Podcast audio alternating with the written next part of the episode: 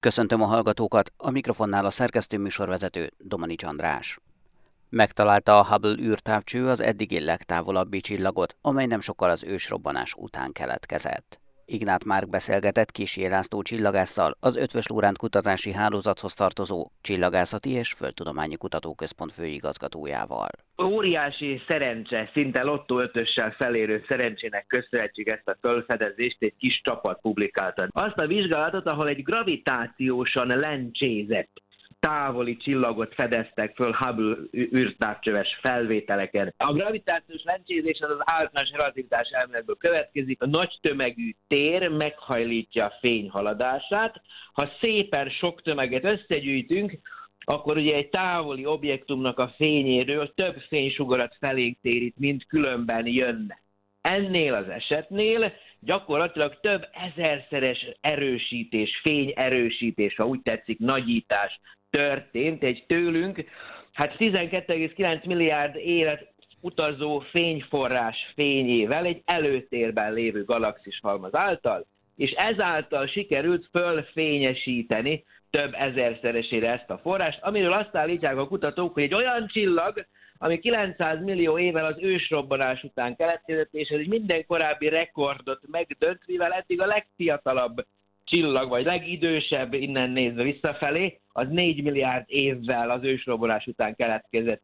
Tehát egy olyan korszakban nézünk bele, mint amikor könyvet olvasva mondjuk a harmadik fejezetnél kezdjük először, és aztán most visszalapozunk a bevez, az előszóhoz, a bevezetőhöz, hogyan keletkeztek az első csillagok. Na, kellett hozzá egy gravitációs halmaz, a gravitációs lencsézés, az űrtávcső és néhány nagyon okos csillagás.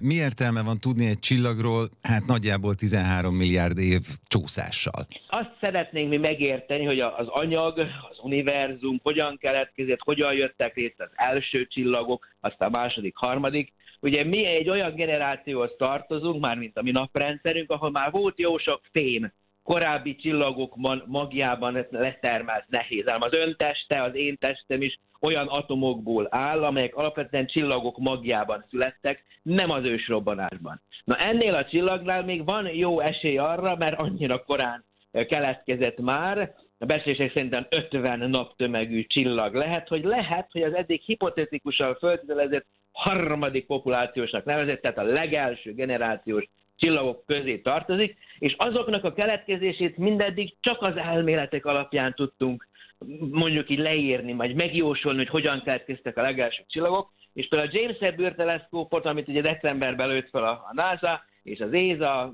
és már szépen befókuszálták, az első képek lejöttek, mindenki nagyon örül. Az ilyen forrásoknak a megvizsgálására is nagyon alkalmas lesz, és ebből én azt gondolom, hogy a, a, az eredetünk, az ős eredetünk lesz még inkább megérthető, és én azt gondolom, hogy fizikusként, ha az univerzum keletkezését, a legelső csillaggenerációk születését értjük, és nem csak elméletek, hanem megfigyelések alapján, akkor én meg játszom. És szerintem a, a, mondjuk így azt, hogy a forrásokat adó döntéshozók is megnyugodhatnak, nem rosszul költötték el a Hubble űrtávcsőre költött forrásokat, illetve a James sem. De konkrétan milyen információkat lehet megtudni azon kívül, hogy van, illetve hát tulajdonképpen volt ez a csillag, mert hát, hogy nem tudjuk, hogy most mi van vele.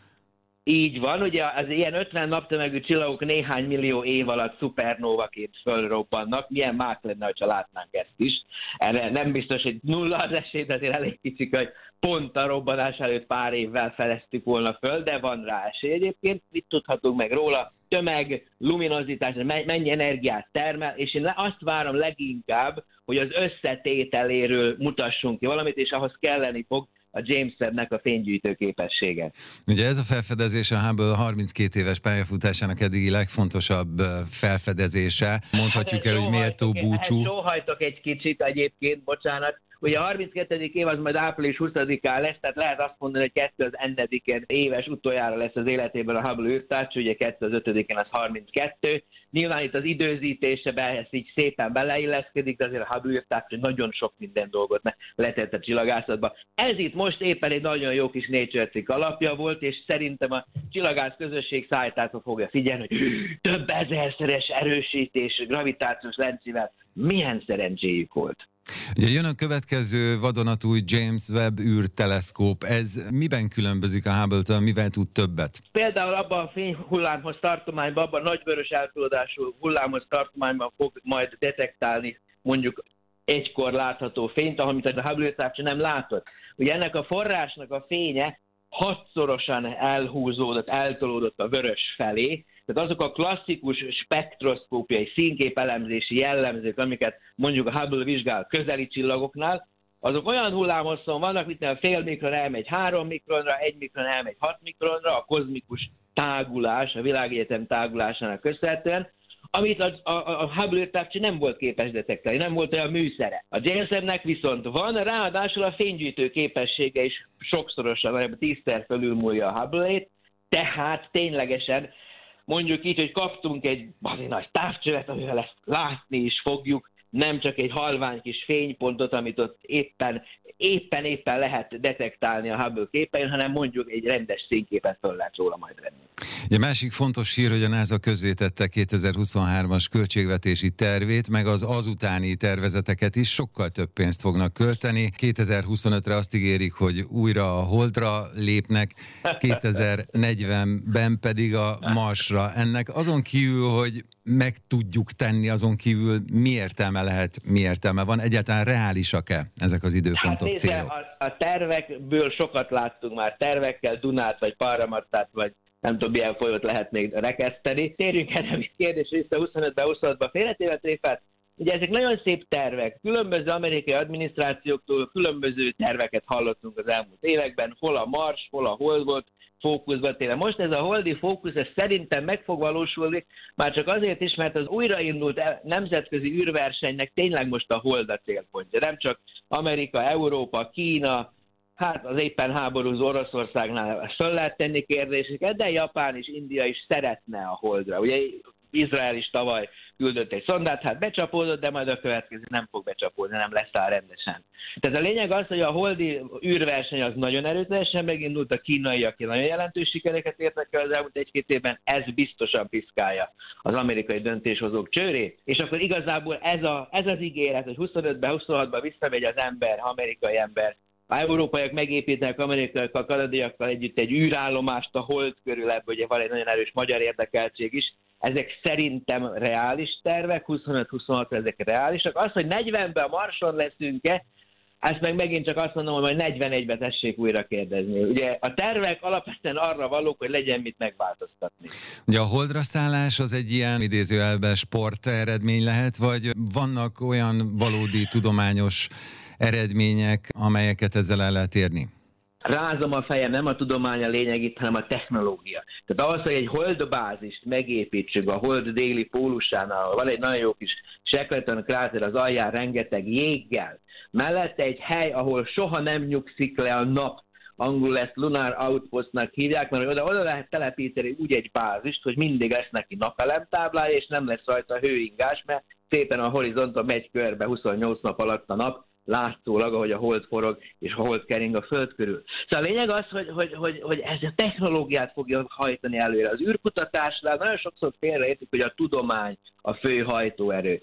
Én ezt mindig úgy szoktam magyarázni, hogy a tudomány föltesz kérdéseket, ehhez technológiát kell fejleszteni, és alapvetően a technológia lesz majd az, ami leköltözhet a föld felszínére, és mondjuk így, hogy a társadalmi hasznosságunkat hát még inkább előrébb viszi. Én ezt várom a holdbázisos sztoritól is, hogy olyan technológiákat, űrbéli nyersanyag hasznosító technológiákat kell hát kidolgozni, mert senki ne higgye azt, hogy minden nyersanyagot a földről fogunk odavinni a holdra. Muszáj, kép, muszáj lesz valamilyen szinten legalább holdi erőforrásokat hasznosítani ahhoz, hogy ott dolgozzunk és érjünk. Márpedig, ha megnyitjuk az űrbéli források, erőforrások űrbéli bányászat, űrbéli víz, jég felhasználásnak a technológiáját, akkor fogunk igazából kiszabadulni a Föld gravitációs, hát mondjuk így potenciálgödréből. Sigma, a holnap világa. A Tudományos és Technológiai Parkok Nemzetközi Konferenciáján az Zalazón is bemutatta, hogy áll a magyar tesztpark fejlesztése. Hári Andrással, a Zalazón vezérigazgatójával beszélgettem. Zalaegerszegen 2016-ban a magyar kormány döntésével elindult egy nagyon komoly fejlesztés a járműipari tesztpálya megvalósítása. Akkor a döntéssel együtt az a szándék is megszületett, hogy a tesztpálya nem csupán egy kutatási infrastruktúra hagyományos és önvezető járművek tesztelésére, hanem cél egy innovációs ökoszisztéma létrehozása. Ez elmúlt közel hat évben ennek a programnak a végrehajtása zajlik. Jelenleg az Alazon Park, azaz a járműipari tesztpálya körül kialakuló parknak a fókusza olyan járműipari ipari technológiákkal bíró vállalkozások bevonzása, akik kapcsolnak a tesztpályához, tesztpálya használók, kapcsolnak a védelmi ipari fejlesztésekhez, modern ipari fejlesztésekhez. Tehát ilyen értelemben az Alazon Park egy minél nagyobb hozzáadott értékű tevékenységek felé mozgó aktivitás megcélzó innovációs ökoszisztéma, egyfajta innovációs és tudományos park. És hát e tekintetben a cél az, hogy a legjobbak közé sikerüljön fejleszteni az Amazon innovációs ökoszisztémát. A Tudományos Parkok Európai Szövetsége által tartott rendezvény az egy nagyon jó alkalom volt arra, hogy az Amazon Park kollégái találkozzanak az európai parkok vezetőivel, hiszen valójában az Amazon innovációs ökoszisztémának a követendő példái, gyakorlatai az európai science parkok. Hová fejlődhet a park? Mi tulajdonképpen a cél? Ugye minden innovációs ökoszisztémának az Alazon Parknak is az a egyik célja, hogy katalizálja mindazokat a fejlesztéseket, azokat a folyamatokat, amelyek a kutatásfejlesztés és az innováció irányába mutatnak. Tehát a cél itt nem csupán egy épített infrastruktúra létrehozása, nem csupán szereplők betelepítése, hanem egy olyan élő együttműködésen és szinergiákon alapuló gazdasági rendszer, ahol az egyes szereplők közötti együttműködéset újabb értéket tudnak teremteni. Ugye ez a, az Alazon innovációs ökoszisztém és az Alazon Science Parknak is a célja és a missziója, és hát ebben a folyamatban azért egy hosszú áll még a park előtt, bár ugye 2016 óta azért az elmúlt hat évben megtörténtek azok az alapfejlesztések, és elindultak azok a folyamatok, amelyeknek ma már látni az eredményeit, hiszen van már kutatófejlesztő központ, mint a TESPA egyik tovagyűrűző hatása, független a TESPA projekttől függetlenül megvalósuló fejlesztés, van már betelepülő ipari fejlesztőközpont, van már betelepült védelmi ipari cég, további programokon dolgozunk, tehát az első eredmények már látszanak, de azért ezek több tíz éves hatótávú programok, amik, amik ezek a tudás alapú együttműködések létrejönnek és, és intenzívé válnak. A konferencián bemutatták azt is, hogy közútra is kiterjesztették a parkot, tehát a valós életben is tudnak tesztelni, hogyha erre szükség van. Mi ennek a feladata, a célja? Az Alazon innovációs ökoszisztémának hogy a fő katalizátora a járműipari tesztpálya projekt volt, ez a maga 201 néhány hektárján felépülő infrastruktúrával egy, egy európai szinten is mérvadó járműipari tesztpálya. A tesztpálya körül épülő közel 300 hektáros további terület szolgálja azokat a, a ugyanan betelepülő szereplőket, akik akár kapcsolódnak a tesztpályához, akár azokhoz a technológiákhoz, akár az új védelmi ipari ágazatokhoz, viszont ugye a parknak ez a része ez már megnyit együttműködéseket kifelé, tehát kitágítja a teret fizikailag is. Itt már, itt már egyre fontosabbak azok a kollaborációk, akár országon belül, akár nemzetközi szinten, melyek új lehetőségeket hoznak. És az ugye ebbe a fejlesztési filozófiába illeszkedik az is, hogy a, amikor tesztkörnyezetről beszélünk, akkor nem csupán egy zárt tesztkörnyezet, azaz a tesztpálya kerítésén belül folyó aktivitásokról beszélünk, beszélünk azokról a labor környezetekről, szimulációs lehetőségekről, amelyeknek van fizikai bázisa itt a tesztpálya mellett, de beszélünk azokról az együttműködésekről is, amelyek akár távolról szolgálják a ügyeket. No, és ebbe a sorba illeszkedik az a valós tesztkörnyezet, konkrétan a, például a közúton végezhető autonóm járműtesztek, amelyek ebbe a sorba illeszkednek. Magyarországon 2017 óta van lehetőség önvezető járműtesztek elvégzésére a közúton, tehát ilyen értelemben nagyon jól felépíthető az a skála, ami kezdődik egy szimulációs környezettel, folytatódik egy itt a tesztpálya mellett kutatóintézetben elvégzett laborteszteléssel, aztán tesztpályán ez élőben, de zárt körülmények között megismételhető módon megvalósítható, és aztán valóban kint a közúton, akár Zalaegerszeg területén, akár az épülő IM76-os útnak a, a high-tech szakaszán elvégezhető teszteket is biztosít. Mi lesz a következő nagy beruházás vagy nagy projekt, amit megvalósítanak? Odon Park szerencsére még rendelkezik szabad területekkel, Ugye nagyon fontos az, hogy, a, hogy amit említettem, hogy egy olyan innovációs ökoszisztéma fejlesztése kezdődött el 2016-ban, ahol nem csupán betelepülőkről beszélünk, hanem fontos az, hogy egy tudás alapú értékközösség jöjjön létre. Tehát ilyen értelemben ez egy olyan hely, ahova olyanok tudnak bejönni, akik ebbe a környezetben megtalálják a számításukat, olyan vállalkozások vagy kutatóintézetek, akiknek a szakmai vagy fejlesztési stratégiába ez a környezet illeszkedik. Vannak már itt levők, vannak már épülő projektek, folynak építkezések, amelyek hamarosan elkészülnek, illetve természetesen vannak tárgyalások is. Folyamatosan erre hely van, meg lehetőség is van, tehát mind fizikailag, mind szakmai értelemben a park nyitott tovább ilyen együttműködések és szereplők betelepítésére. Sigma, a holnap világa. A Tudományos és Technológiai Parkok Nemzetközi Konferenciájának egyik kiemelt külföldi vendége volt Paul Krutko, az amerikai Ann Arbor Park ügyvezetője. A magyar Zalazonhoz hasonló tesztpark Detroit mellett Michigan közepén található, a Michigani Egyetembe beágyazva. Paul Krutkóval beszélgettem. I have been an economic development professional for nearly 40 years.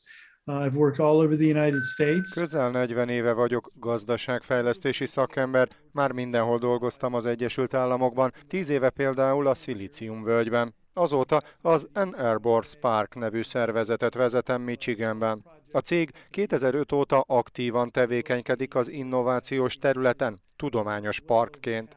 A mi esetünkben ez helyileg a Michigani Egyetem környéke, ami az Egyesült Államok legnagyobb kutatóegyeteme. A tudományos parkok és innovációs negyedek fejlesztésének kulcs szereplője az egyetemi partnerség. Ezért örömmel láttam, hogy Budapesten az Óbudai Egyetem és több más felsőoktatási intézmény is közvetlenül részt vett a tudományos parkok létrehozásában. The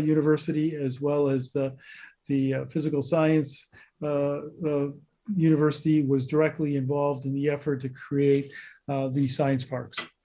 Ön szerint állami támogatással kell működnie egy ilyen tudományos parknak, vagy a piacról?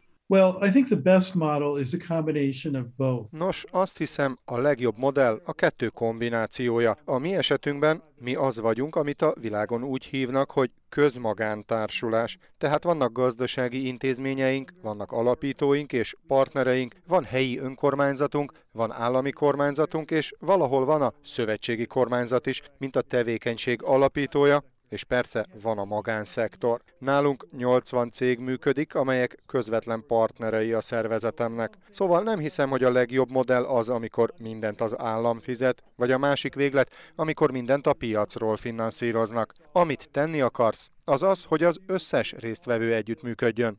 Az ötletekkel kapcsolatos kutatások az egyetemeken vannak, amelyek segítik a magas szintű munkafejlesztését a vállalatoknál. Ezek a cégek aztán az új technológiák értékesítésében jeleskednek, de világos, hogy a helyi kormányzat támogatása nélkül ez nem működik. Tehát a válaszom a kérdésére az, hogy nem egyik vagy másik, hanem mindezen elemek kombinációja kell ahhoz, hogy ez a modell világszerte a legsikeresebb legyen. So my answer to your question is it's not one or the other. It's a combination of all of those elements that make this model make this model around the world the most successful. Mit gondol a Zalazonról, mint tudományos parkról? Nos, hihetetlen erős benyomást kelt a magyar kormányzat befektetése. A 150 millió eurós kiadás, hogy egy zöldmezős beruházásban ilyen parkot hozzanak létre, nagyon lenyűgöző. Azt hiszem, a legfontosabb az lesz, hogy ezzel hogyan tudnak majd élni a továbbiakban egyértelműen megvan minden eleme, hogy egy nagyon sikeres hely legyen. Azt hiszem a siker kulcsa az lesz, hogy hogyan illeszkedik a Magyarországi Tudományos Parkok közösségének többi részéhez. Budapesttől olyan távolságra van, hogy ahhoz, hogy sikeres legyen, bizonyos egységeknek ott kell létrejönniük. A mi tesztelési lehetőségünk nagyon hasonlít a Zalazonra, csak mi közelebb vagyunk a város központjához. Így azt hiszem, hogy ez lesz a Zalazon kihívása, hogy az idő múlásával kiépítse a technológiát a körülötte lévő ökológiai rendszerben. Environment and ecosystem around it. Sigma, a holnap világa. Az adatokból úgy tűnik, hogy leszállóákba került a koronavírus járvány, ez várható is volt. A kórokozónak ugyanis az őszi-téli időjárás kedvez, mondta Jakab Ferenc, a Pécsi Tudományegyetem virológusa, a Magyar Tudományos Akadémia doktora. Szerinte éppen ezért a negyedik oltás beadásával is érdemes őszig várni. Varga Mónika interjúja. Én magam a szennyvízben lévő vírus koncentráció jóslásokban nem hiszek. Én a számokba hiszek, amit a kórházi gápolásokba, illetve a regisztrált fertőzötteknek a számba látunk. Ami egyértelműen egy csökkent tendencia mutat, ez egy várt dolog, hiszen jön a meleg, jön a kedvező időjárás. Ez egy szezonális vírus, ami elsősorban az őszi és a téli szezonban fog dominálni, döntő dominált eddig is. Amikor bejön a kedvező hőmérséklet, a kedvező klíma, ami a vírus számára viszont kedvezőtlen, akkor nyilvánvalóan le fog lassulni a járvány, és a nyári időszakban pedig sokkal lassabb tendenciát fogunk látni. Nem azt mondom, hogy nem lesznek új fertőzöttek, de jóval kevesebb és jóval alacsonyabb arányban, és jóval lassabb lesz a járványnak a lefolyása. Akkor jöhet hatodik hullám, csak mondjuk ősszel, és jöhet akár újabb variáns is? Nézd, én azt gondolom, hogy aki most ezt meg tudja mondani, az, az jó kömből dolgozik. Ha virológiai szempontból nézzük, akkor azt kell mondjam, hogy minden realitása megvan annak, hogy ősszel és a téli időszakban egy újabb járvány fog elérni minket. Én nem nevezném ezeket már hullámoknak. Szerintem teljesen fölösleges most már egy, kettő, három, négy, öt vagy hatodik hullámról beszélni. Én azt gondolom, hogy tudomásul kell vennünk azt, hogy ez a vírus valamilyen szinten beépült a felső légúti vírusfertőzéseink palettájába, és sajnos azt is tudomásul kell venni, hogy évről évre számolni kell majd ilyen jellegű vírusfertőzésekkel. Azt hiszem, hogy eljön majd az idő, amikor ezzel együtt kell élnünk. Az, hogy milyen variáns következik be, és milyen variáns érkezik, vagy jön-e egyáltalán új variáns, ezt nem lehet most megmondani. RNS vírus lévén ez egy relatíve gyorsan mutálódó vírus, tehát simán elképzelhető az, hogy a kevésbé átoltott területeken kialakul egy újabb variáns, ami aztán újra eléri Európát, így hazánkat is. De ezt most nem lehet megjósolni, és nem lehet megmondani. Mennyire ajánlja még az oltás beadását? Például szükséges-e a negyedik oltás? Ugye sokaknál már bőven letelt, vagy éppen most telik le az a fél év, ami után már ajánlják az emlékeztető oltást. Korábban nem volt megfelelő információ a negyedik oltás hatásáról. Azt mondták a szakemberek, hogy nincsen erről elég adat. Tanácsos-e beadatni a negyedik oltást? A negyedik oltás beadását jelen pillanatban nem javaslom. Ennek két ok van. Egyfelől, mert még mindig nincsenek meggyőző és egyértelmű tanulmányok a tekintetben, hogy mennyire hatékony és mennyire hatásos. Másfelől pedig a csökkenő tendenciát látunk, és én azt gondolom, hogy sokkal inkább érdemes lenne a negyedik oltás, majd az őszi, illetve a téli szezon előtt beadatni annak, akinek csökkent a védettsége. Nem a negyedik oltás ellen vagyok, sőt, nagyon jónak ítélem meg, elsősorban idősebb korosztálynál, egészségügyi dolgozóknál, vagy a vírusfertőzésre jobban kitett személyek esetében, vagy olyanok esetében, aki már rég kapta a harmadikat, de nem most. Ősszel, télen a következő, mondjuk úgy járvány, vagy a következő vírus berobbanása előtt, hogy friss legyen az immunválaszunk, hogy meglegyen a magas szintű védettségünk a megérkező újabb vírusjárvány előtt. Most semmiféleképpen sem érdemes szerintem. Műsorunkat teljes egészében meghallgathatják az infostar.hu és az mta.hu oldalon. Búcsúzik Önöktől a szerkesztő műsorvezető, Domani András.